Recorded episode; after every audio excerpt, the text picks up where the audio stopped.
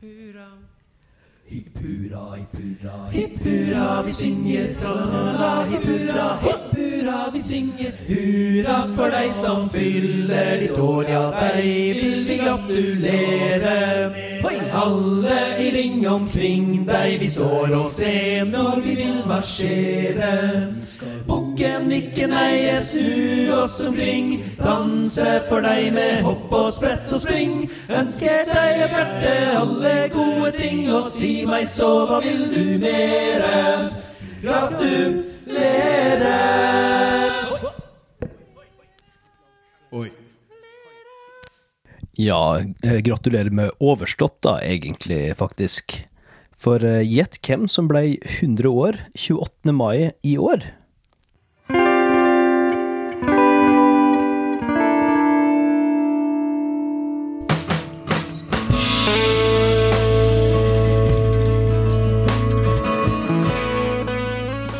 Hei og velkommen til Lær å lytte, podkasten der vi hjelper deg å finne ut hvorfor du liker musikken du liker, og der du forhåpentligvis lærer å lytte til mer musikk. Denne episoden blir den første ordentlige soloepisoden, siden temaet er ganske nerdete, og vi sleit med å finne en relevant gjest. For denne episoden er nemlig dedikert til å feire 100-årsjubileet til komponisten Georgi Ligeti.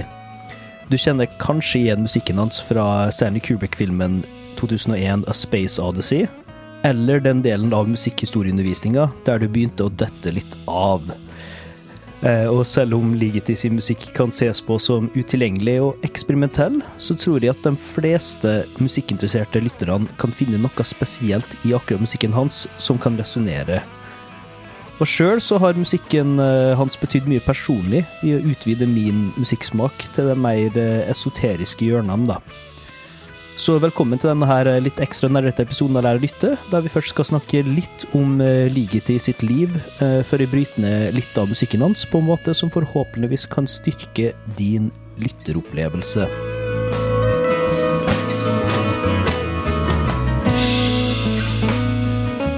Vi kan starte kort med å snakke litt om Ligeti sine tidlige år. Ligeti ble født i en ungarsk-jødisk familie i Romania, eller Transilvania, da, for 100 år siden. Området han vokste opp i, ble etter hvert, ble etter hvert i oppladninga mot andre verdenskrig en del av Ungarn.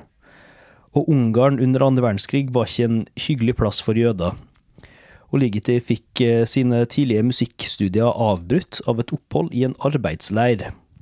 Faren og lillebroren hans døde dessverre i holocaust, mens moren hans overlevde Auschwitz.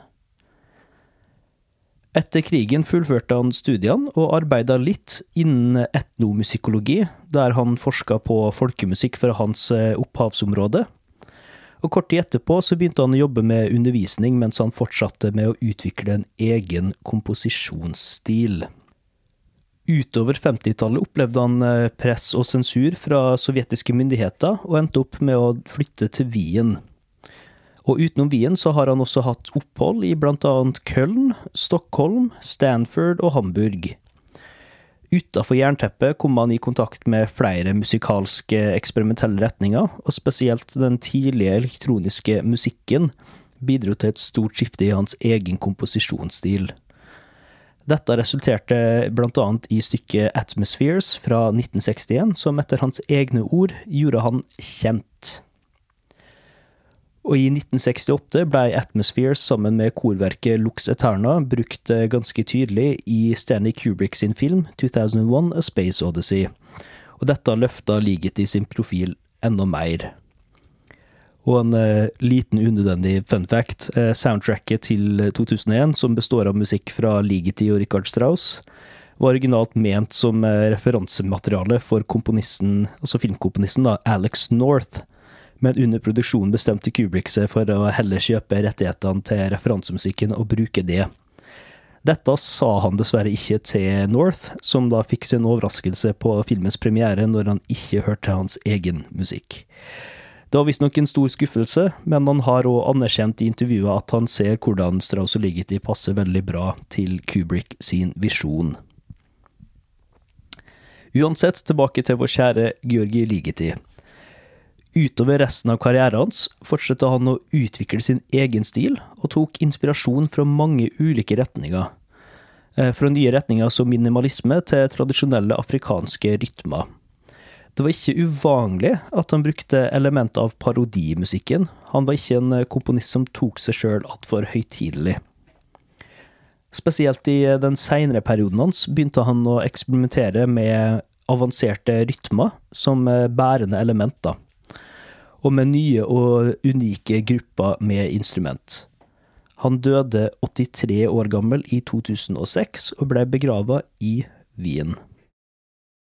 Nå som vi veit litt om fyren, tenkte jeg å sette litt eh, kontekst for den musikalske utviklinga som Ligeti var en del av, før jeg går litt nærmere inn på noen stykker som du kan da sjekke ut.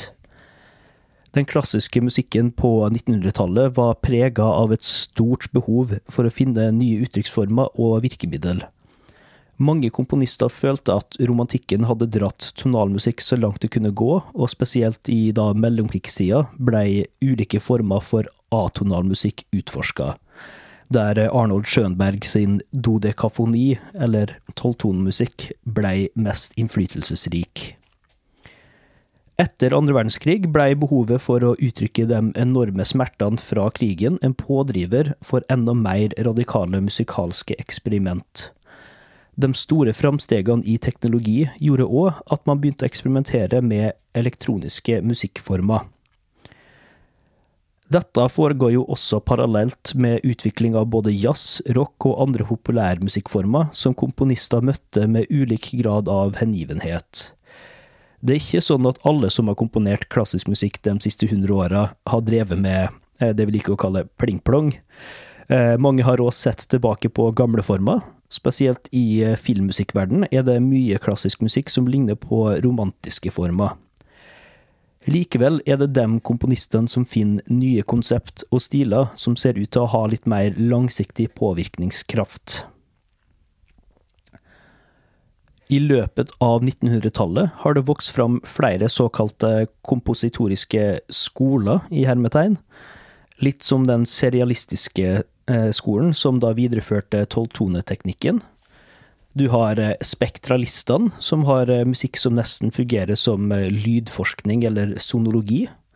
Og de mer populære minimalistene, som bygger lange, repetitive verk med enkle, små byggesteiner.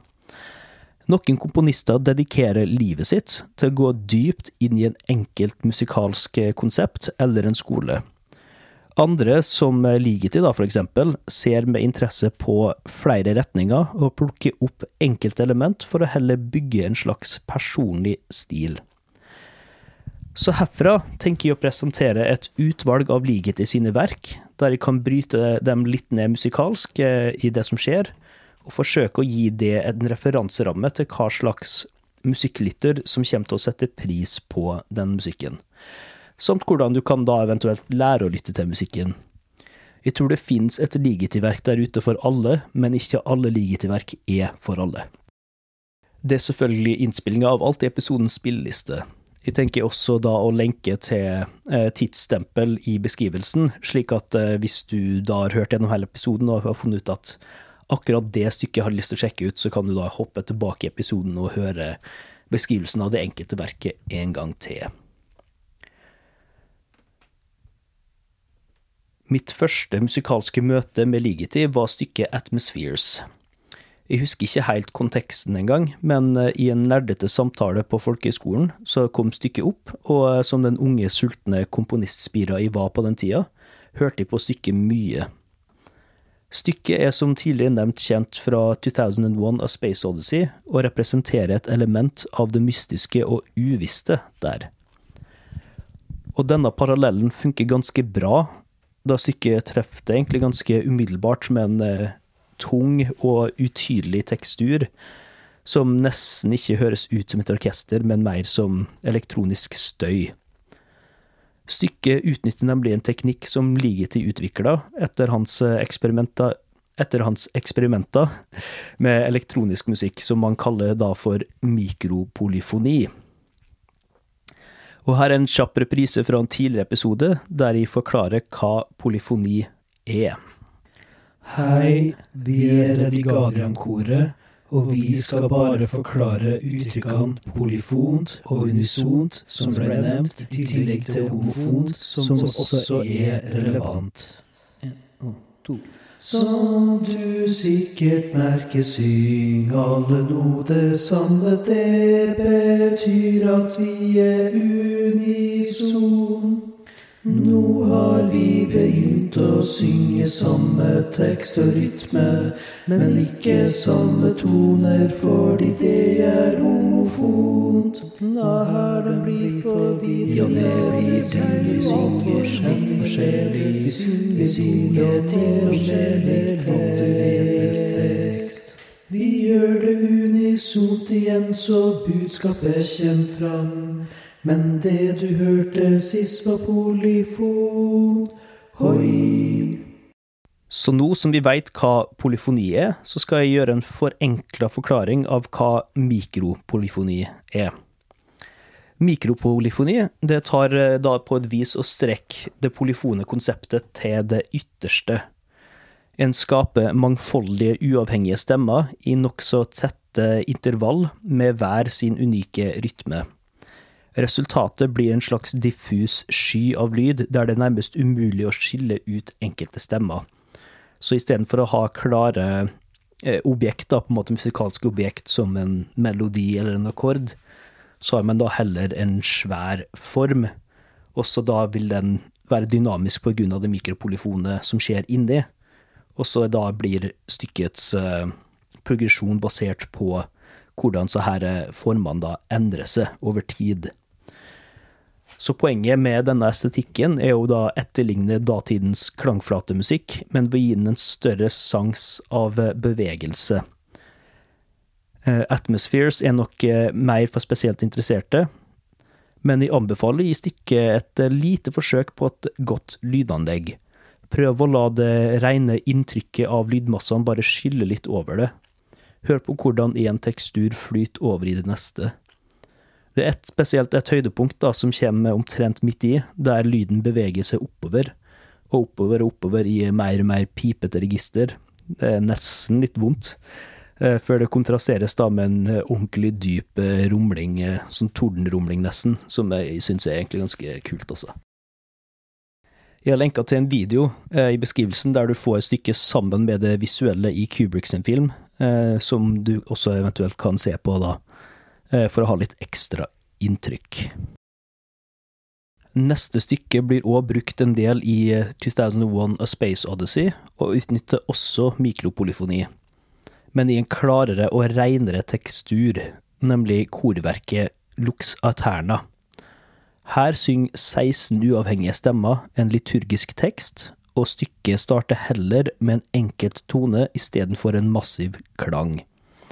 Her utvikler da mikropolyfon her utvikler da mikropolyfonien, vanskelig ord det der, her utvikler den seg mer gradvis, og klangen er generelt sett eh, mer rein, siden den består kun av menneskestemmer som i stor grad da synger samme tekst og vokal også. Akkurat som i Atmospheres er det heller da selve lydkvaliteten til de ulike partiene som skaper framdrift og spenning i stykket, så lytt gjerne på det på et lignende vis, la det være en sensorisk reise for ørene dine. Om du er av eh, mer religiøs tilbøyelighet, så kan du også la den liturgiske bakgrunnen til teksten forme inntrykket ditt. Løst oversatt så er teksten La evig lys skinne over dem, Herre, med din hellighet for alltid. Du er from. Gi dem evig hvile, Herre, og la det evige lys skinne over dem. Ganske dramatiske greier. Med neste verk så gjør vi en heilomvending til noe litt mer tilgjengelig, nemlig Ligetid sin konsert romanesk, eller rumensk konsert. Jeg må bare beklage uttale litt gjennomgående, forresten. Eh, dette orkesterstykket fant, fant de først ut da, om i research til denne episoden her, men de likte det såpass umiddelbart at de slengte det inn det er også en fin kontrast til eh, det andre, da. Stykket er fra 1951 og er tydelig mer i stil med noe som eh, Bela Bartok eller Soltan Kodali eh, kunne ha skrevet, og dem er jo da eh, ungarske komponister som på tida da Ligeti ble utdanna, var de fremste representantene av det ungarsk musikk skulle være, da, altså ungarsk klassisk musikk. Eh, Ligeti tok jo også timer med Kodali. Eh, Musikken her eh, bygger da på folkemusikk fra Transilvania, der Ligeti vokste opp, og heller et generelt lekent preg med noen ja, litt mer dramatiske øyeblikk her og der. Sjøl om musikken ikke virker særlig eksperimentell til et moderne øre, blei det fortsatt uglesett av regimet, regime i Ungarn, og det blei sensurert. Dette stykket anbefaler jeg å lytte til egentlig mens du går eh, tur i naturomgivelser. Og så kan du da la orkestreringa blende seg litt inn i naturlydene godt, så hvis du har eh, et greit headset, men som ikke har eh, lydisolering, så er egentlig det bra. La fuglekvitteret blende seg litt inn, la brusen fra elva gå litt i bakgrunnen. Jeg syns det beriker egentlig lytteropplevelsen litt. Og så kan du jo la dansemelodiene påvirke gangtempoet ditt eh, litt, litt for mye, kanskje. Nest ut er et verk for solopiano som heter Musica Ricercata, eller Ricercata, jeg er litt usikker. Eh, Her har vi enda et eh, tidlig verk, men det eksperimentelle preget er mye mer tydelig, og, men også lett å forstå, da.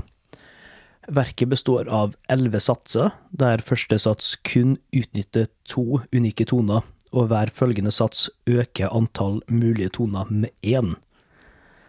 Så ved å putte en slik restriksjon rundt musikken, så skinner kreativiteten til Ligeti sin eh, kompositoriske sans virkelig fram.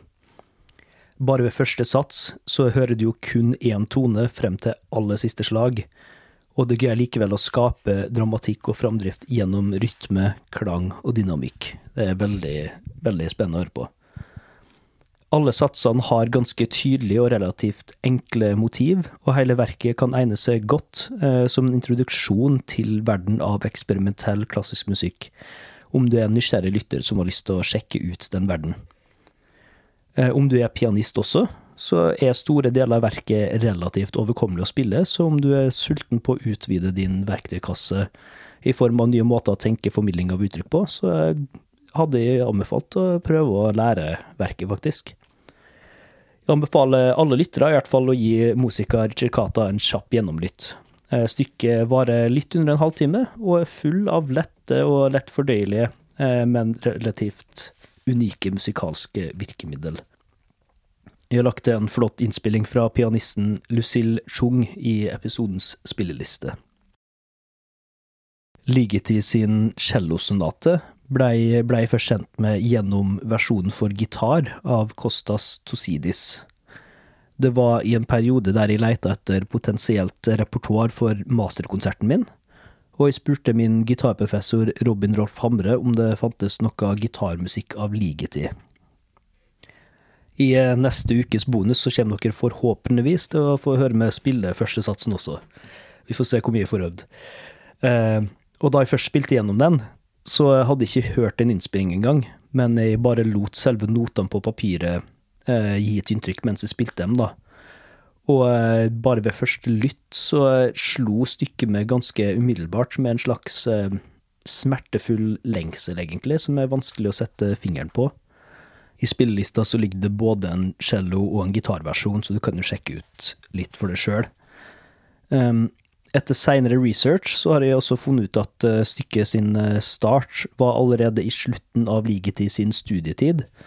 Eh, Men da det blei ferdigstilt i 1953, så blei den, ble den sett på som for moderne av den sovjetiske komponistforening, og blei ikke fremført offentlig før i 1979.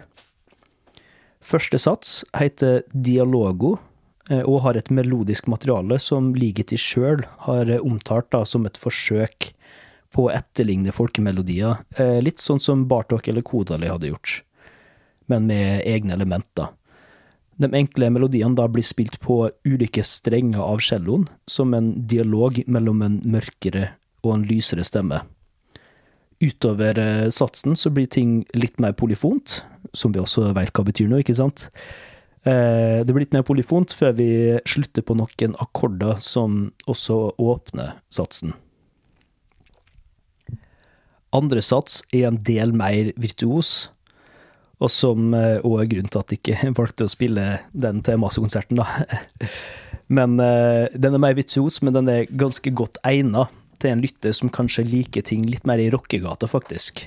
Jeg ser for meg at om noen hadde covra den på elgitar riktig, så hadde det vært ganske heftig, egentlig.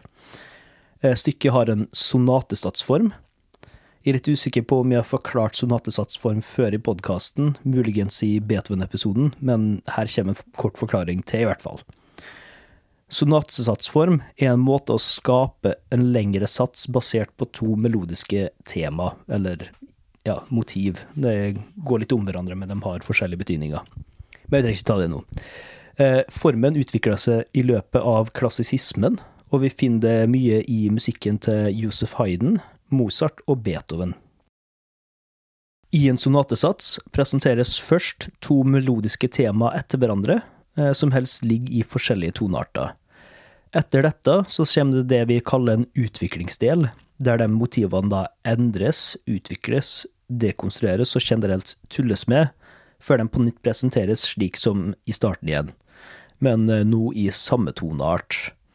Hvis du hører på en typisk Mozart-pianosonate, for eksempel, så er det ganske enkelt og tydelig, som oftest i første sats, hvordan denne formen her blir brukt. Hele cellosonaten er ganske tilgjengelig, og de to satsene rammer to vidt forskjellige uttrykk som kan falle de fleste lyttere i smak. Du kan nå teste om du liker den originale med cello mer, eller eventuelt gitarversjonen som også ligger i spillelista så får du gjette det fram til hva du tror jeg liker best. Og da har jeg presentert et lite knippe verk fra Ligeti som jeg kjenner noenlunde greit. Det er selvfølgelig mye mer å ta av, så om muligheten byr seg seinere, så kommer det brått flere dypdykk. Uh, uansett så tenker jeg at det er greit å nevne et par verk til, bare med litt færre detaljer.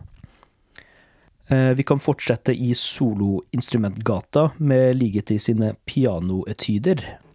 En etyde er egentlig en betegnelse for musikkstykker skrevet med formål om å utvikle spesielle tekniske eller musikalske ideer for en instrumentalist.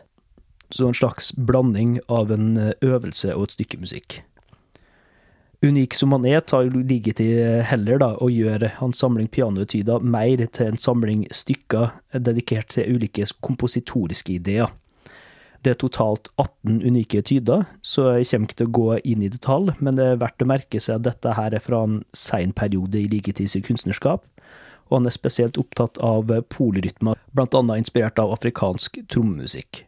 Han utforsker også ytterpunktene av hvor sterkt eller svakt det går an å spille på piano. Jeg òg lenka til noen videoer i beskrivelsen som går litt inn på etydene og mer. Nå kan vi utvide den instrumentale horisonten med Kammerkonserten fra 1970. Eh, kammermusikk det er en løs betegnelse på musikk der instrumentalister ikke dobler hverandre, sånn som i eksempel et orkester. I dette tilfellet er det en unik sammensetning av 13 musikere, som var noe Ligeti begynte å gjøre mer i slutten av karrieren, og sette sammen en ny ensemble istedenfor å gå for eh, standardformater som strykekvartett eller kor eller fullt orkester, da. En effekt som Ligeti skal ha sagt at han ville oppnå med kammerkonserten, er en sensasjon av å titte gjennom isen av et frossent vann og skue diffuse former under isen. Eh, dette oppnår han da kompositorisk gjennom eh, de fleste teknikkene som vi allerede har nevnt i tidligere stykker, og mer til. Verket er kanskje et av hans mest komplekse. Eh, likevel er det ikke sånn at man trenger å forstå alt for å oppleve det. Stykket er nok mer for en eh, eksperimentell eh, lytter, for eh, spesielt interesserte. Men om du er interessert, bør du sjekke ut kammer, kammerkonserten, da. Jeg har også lenka til en video fra den kanadiske komponisten Samuel Andrejev, der han analyserer stykket mye mer i dybden, da, og der blir du virkelig slått av hvor Hvor mye grunnleggende håndverk ligger i tillegg i alt han gjør, da. Ligetids Rekviem kommer fra rundt samme tid som Atmospheres og Lux Eterna. Eh, Deler av den blir òg mye brukt i 2001 A Space Odyssey, eh, der monolitten vises, da. Et rekviem er et verk kirkelig musikk basert på liturgiske tekster rundt begravelse, som oftest for kor og orkester. Også i Ligetis tilfelle. Han eksperimenterte ikke så mye akkurat da. Eh, om Lux Aterna eller Atmospheres eh, falt i smak, så passer Rekviem også godt inn for lyttinga di her. Nesten en sånn blanding estetisk med både orkester og kor. Til slutt har vi et eh, litt mer eh, slags filosofisk eh, i tillegg Litt mer filosofisk verk i tillegg til et stykke musikk, da. Um, og det er da poem symfonikk. Og her skal 100 mekaniske metronomer settes eh, til tilfeldige tempo, og så startes samtidig. Stykket er da ferdig når alle metronomene har stoppa opp. Det er et eh, meget tilfeldighetsstyrt verk, litt i stil av John Cage, som også var aktiv eh, rundt tida da ligget i komponert mye musikk. Jeg har lenka til en flott video av Adam Neely, der han går litt inn på det verket.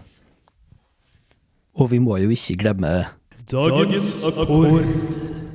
Eh, Vi får se om vi faktisk putter det her inn i episoden. Det er ikke sikkert vi får det til, men jeg tenkte for dagens akkord så kan vi prøve å konstruere en slags eh, klangflateakkord, da. eh, Litt i stil av Ligeti. Eh, Så om, eh, om jeg har fått det til, så hører du det her. Om vi ikke har fått det til, så kommer jo den praten her også til å være kutta, så da trenger du ikke tenke på det. Uansett, her kommer akkorden.